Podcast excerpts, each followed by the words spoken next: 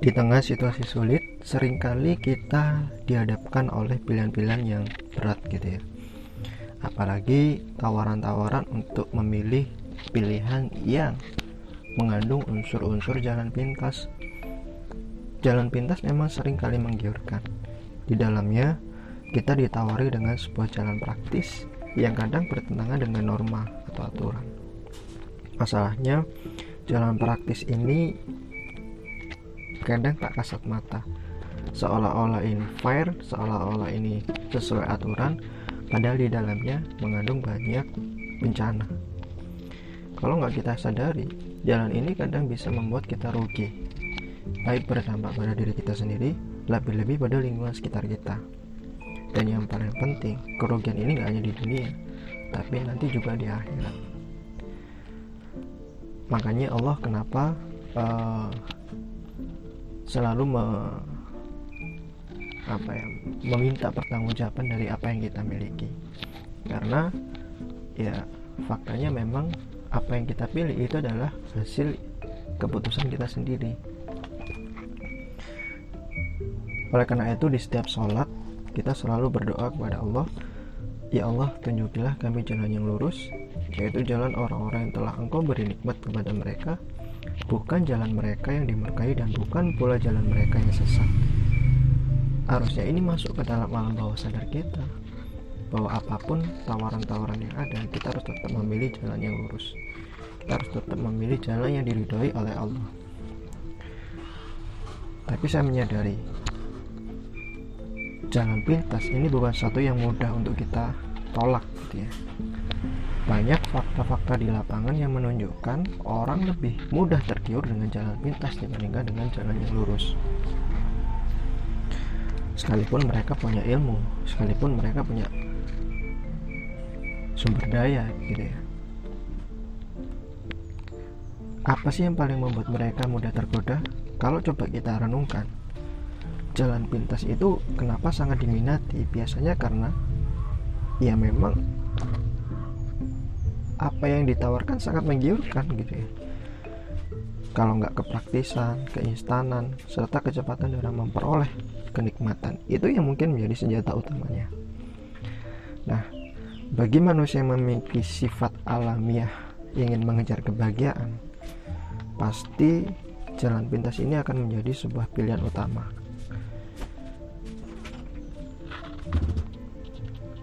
Lalu bagaimana cara kita agar bisa hindari atau meminimalisir dari jalan pintas. Barangkali kita bisa ber, belajar gitu ya dari seorang tokoh yang bernama Umar bin Abdul Aziz. Siapa sih beliau? Beliau adalah khalifah dari Bani Umayyah di tahun 717 sampai dengan 790 Iya, beliau adalah seorang khalifah yang terkenal. Bayangkan dalam waktu 2 tahun 55 hari dia berhasil membuat masyarakatnya menjadi sejahtera. Lalu apa yang bisa kita teladani dari kisah beliau hubungannya dengan jalan pintas tadi? Kalau teman-teman belajar kisahnya, ada fakta yang menarik uh, saat prosesi beliau diangkat menjadi seorang khalifah. Sejak awal, dia tidak menginginkan gitu ya untuk menjadi seorang khalifah. Dia sebelumnya adalah seorang gubernur biasa gitu ya Beliau adalah putra dari Abdul Aziz bin Marwan. Sedangkan jalur kekhalifahan pada nasab uh, biasanya itu pada nasab Abdul Abdul Malik bin Marwan. Saat kepemimpinan berpindah kepada beliau, tidak ada ambisi sedikit pun untuk uh, menjadi seorang khalifah gitu ya. Bahkan ketika dibaiat gitu ya oleh Sulaiman bin Abdul Malik dia mengatakan di depan umatnya, Wahai sekalian manusia, sesungguhnya aku telah diuji dengan perkara ini. Tiadanya kesepakatan dari sebelumnya, tidak pula ada permohonan atau musyawarah dari kaum muslimin. Maka dengan ini aku umumkan bahwa aku telah melepas kewajiban kalian untuk berbayat kepadaku. Maka silakan kalian memilih orang yang pantas menjadi pemimpin kalian. Maka semua manusia bersuara dengan satu suara yang seraya mengatakan, Sungguh, kami telah memilih engkau wahai Amirul Mukminin dan kami telah ridho denganmu. maka jalankan amanah ini semoga Allah memberkahimu ya yang memilih adalah rakyat yang memilih adalah umatnya. Bukan dia yang berambisi untuk menjadi seorang pemimpin. Dan di sana dia uh, beliau berdoa sesungguhnya aku berwasiat agar kalian senantiasa bertakwa kepada Allah. Karena takwa kepadanya akan menjaga diri dari segala sesuatu beramallah untuk akhirat kalian. Karena barang siapa yang beramal untuk akhiratnya maka Allah akan mencukupkan urusan dunianya. Nah bisa dibayangkan betapa rendah hati yang dimiliki oleh seorang uh, Umar bin Abdul Aziz sekalipun dia dipercaya untuk menjadi seorang khalifah dan pemimpin. Dia tidak sedikit pun ada kebanggaan di situ. Justru dia menganggap ini adalah sebagai ujian. Di saat orang-orang lain mungkin berebut ambisi untuk menjadi seorang khalifah dia tidak pernah menginginkan. Di saat orang-orang lain mungkin berebut berlomba untuk menjadi seorang pemimpin dia tidak menginginkan posisi atau jabatan menjadi seorang pemimpin. Tapi ketika dia diterima ditawari sebuah amanah ditawari sebuah jabatan dia melaksanakan tanggung jawab itu dengan dengan penuh kesadaran yang tinggi bahwa itu adalah titipan itu adalah sebuah amanah. Nah selain itu dalam sebuah riwayat lain Umar bin Abdul Aziz ini juga dikenal memiliki ketakutan yang tinggi terhadap Allah dalam sebuah riwayat Fatimah binti Abdul Malik istri Umar bin Abdul Aziz pernah bercerita Suatu hari aku masuk masuk dan ingin bertemu beliau, namun ternyata beliau masih berada di dalam tempat sholatnya. Tangannya sedang diletakkan di pipinya dan air matanya mengalir. Lalu aku katakan, "Wahai Amirul Mukminin, apakah ada sesuatu yang menimpamu?" Lalu beliau mengatakan, "Wahai Fatimah, sesungguhnya aku sedang memikirkan nasib umat Muhammad SAW." Aku sedang memikirkan nasib si miskin yang kelaparan, si sakit yang merintih, si fakir yang telanjang kedinginan, seorang yang terzalimi karena hartanya dirampas, seorang yang tersesat dan tertawan, si jombo dan si miskin yang memiliki banyak tanggungan dan kebutuhan hidup di segala penjuru bumi. Dan aku tahu bahwa Robku akan bertanya kepada aku tentang nasib mereka dan lawan bicaraku tatkala itu selain mereka adalah Nabi Muhammad SAW. Maka aku sangat khawatir bila tidak memiliki hujah untuk menjawab pertanyaan-pertanyaan mereka. Sedang aku merasa kasihan melihat keadaan diriku terkala ini, sehingga aku menangis, bahkan dikarenakan sangat takutnya ia terhadap Allah. Umar bin Abdul Aziz memiliki uh, apa ya semacam lampu minyak begitu ya, yang digunakan untuk kebutuhan kaum muslimin dan kebutuhan sendiri.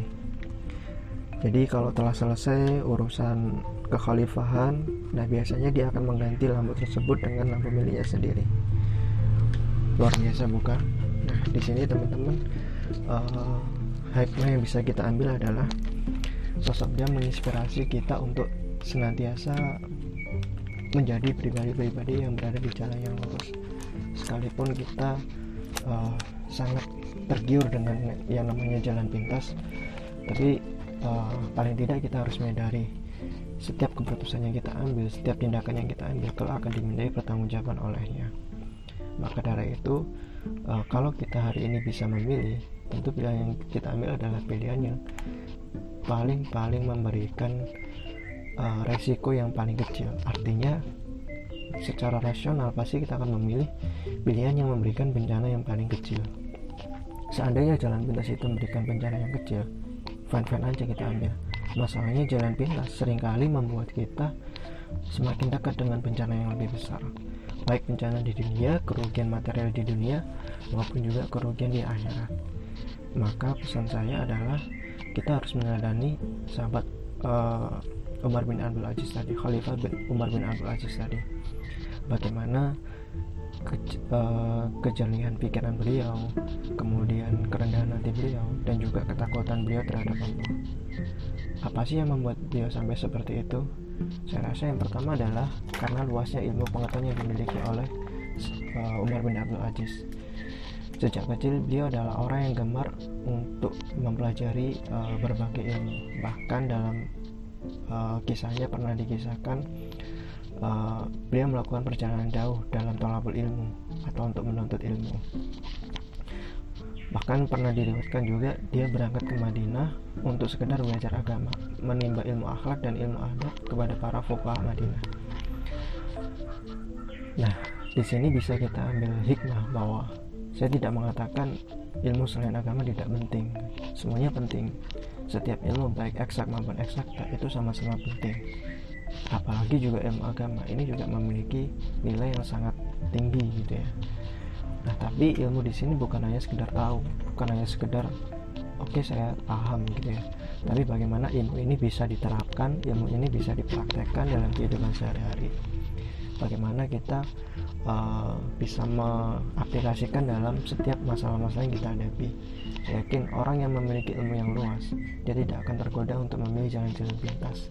Kenapa karena ilmu itulah yang nanti akan menuntun dia untuk mengarungi dan menyelesaikan setiap masalah-masalah yang ada di hidupnya. Yang kedua jangan uh, mengejar jabatan secara berlebihan. Saya tidak mengatakan tidak boleh menjadi pemimpin. Boleh. Menjadi pemimpin itu sangat wajib uh, sangat penting juga gitu ya. Tapi kalau kita mengejarnya secara berlebihan dalam artian itu menjadi tujuan bukan menjadi alat bukan menjadi sarana saya kira sia-sia. Kenapa? Karena ya itu tadi. Setiap apa yang kita ambil setiap apa yang kita lakukan pasti akan dimintai pertanggungjawaban. Jadikanlah kepemimpinan jabatan itu sebagai sarana untuk kita uh, mengabdi kepadanya bukan menjadi sarana untuk memuaskan keinginan-keinginan pribadi kita. Nah yang terakhir untuk membentengi itu semua diperlukan yang namanya rasa takut yang tinggi terhadap Allah. Kenapa? Karena ketakutan yang tinggi akan membuat perilaku kita terkontrol perilaku kita menjadi terkendali bayangkan seperti kita uh, berada di situasi yang di mana di mana-mana kita diawasi oleh sebuah kamera gitu ya CCTV pasti di situ kita akan merasa apa yang kita lakukan uh, harus menjadi orang-orang yang benar-benar baik kan gitu ya. Kenapa? Karena mungkin kita takut kalau seandainya perilaku perilaku konyol kita nanti akan tersebar atau perilaku kita diketahui orang lain dan itu akan menjadi aib bagi kita saya kira rasa itu bisa kita tumbuhkan setiap hari di mana pun kapan pun saat situasi apa pun. Tanpa me, uh, apa ya mentoleransi bahwa perilaku seburuk uh, seburuk apa pun itu bisa kita lakukan gitu ya. Artinya jangan biarkan sekali saja diri kita itu jatuh dalam uh, jalan pintas. Karena sekali itu kita lakukan dan akan muncul rasa nikmat maka di situ biasanya akan terjadi pengulangan-pengulangan berikutnya Oke mungkin itu saja uh, ulasan saya tentang bagaimana kita menjaga diri dari godaan jalan pintas apalagi di tengah situasi sulit yang seperti ini